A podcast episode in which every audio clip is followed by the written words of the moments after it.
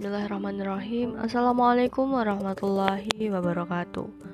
Halo apa kabar teman-teman semua? Selamat pagi saya ucapkan. Semoga teman-teman semua Dalam keadaan sehat walafiat Di mana pun anda berada.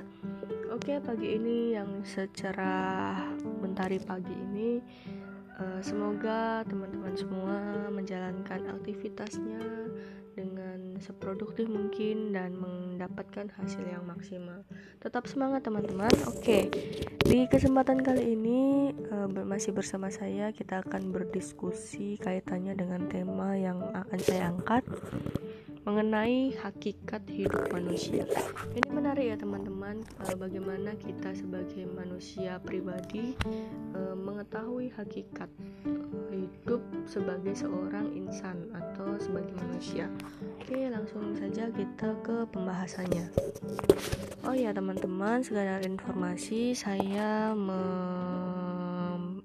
mereview buku dengan judul buku ilmu sosial budaya dasar dengan penulis Eli M. Setiadi dan kawan-kawan di edisi ketiga. Oke, kita lanjut ya teman-teman. Pada dasarnya, manusia dalam kehidupannya memiliki tiga fungsi. Yang pertama, sebagai makhluk Tuhan, yang kedua, makhluk individu, dan yang ketiga, makhluk sosial budaya. Dalam kehidupannya, manusia saling berkaitan, di mana kepada Tuhan manusia memiliki kewajiban untuk mengabdi pada Tuhan. Sebagai individu, harus saling memenuhi segala kebutuhan pribadinya, dan sebagai makhluk sosial budaya, harus hidup berdampingan dengan orang lain dalam kehidupan yang selaras dan saling membantu. Sebagai makhluk sosial, manusia akan hidup bersama dengan manusia lain yang akan melahirkan suatu bentuk kebudayaan. Karena kebudayaan itu sendiri diperoleh manusia dari proses belajar pada lingkungan, juga hasil pengamatan langsung. Kebudayaan itu dapat diterima dengan tiga bentuk, yakni yang pertama melalui pengalaman hidup saat menghadapi lingkungan. Kemudian yang kedua, melalui pengalaman hidup sebagai makhluk sosial, dan yang ketiga, melalui komunikasi simbolis. Artinya, komunikasi simbolis ini berupa benda, tubuh, gerak tubuh, peristiwa, dan lain-lain. Karena setiap kebudayaan berbeda, namun pada dasarnya memiliki hakikat yang sama. Artinya, yang uh, kebudayaan ini memiliki dasar yang sama, artinya terwujudnya dan tersalurnya lewat perilaku manusia.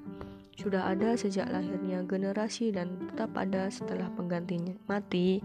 Diperlukan manusia yang diwujudkan lewat tingkah laku, berisi aturan yang berisi kewajiban, tindakan yang diterima atau tidak, larangan dan pantangan. Perbedaan kebudayaan dengan peradaban adalah dua hal yang paling mudah untuk dijawab. Dua orang antropolog, uh, yaitu Melville dan J. Herkovitz, uh, dalam bukunya Cultural Determinants, artinya segala sesuatu yang terdapat dalam manusia akan ada dan ditentukan dari budayanya.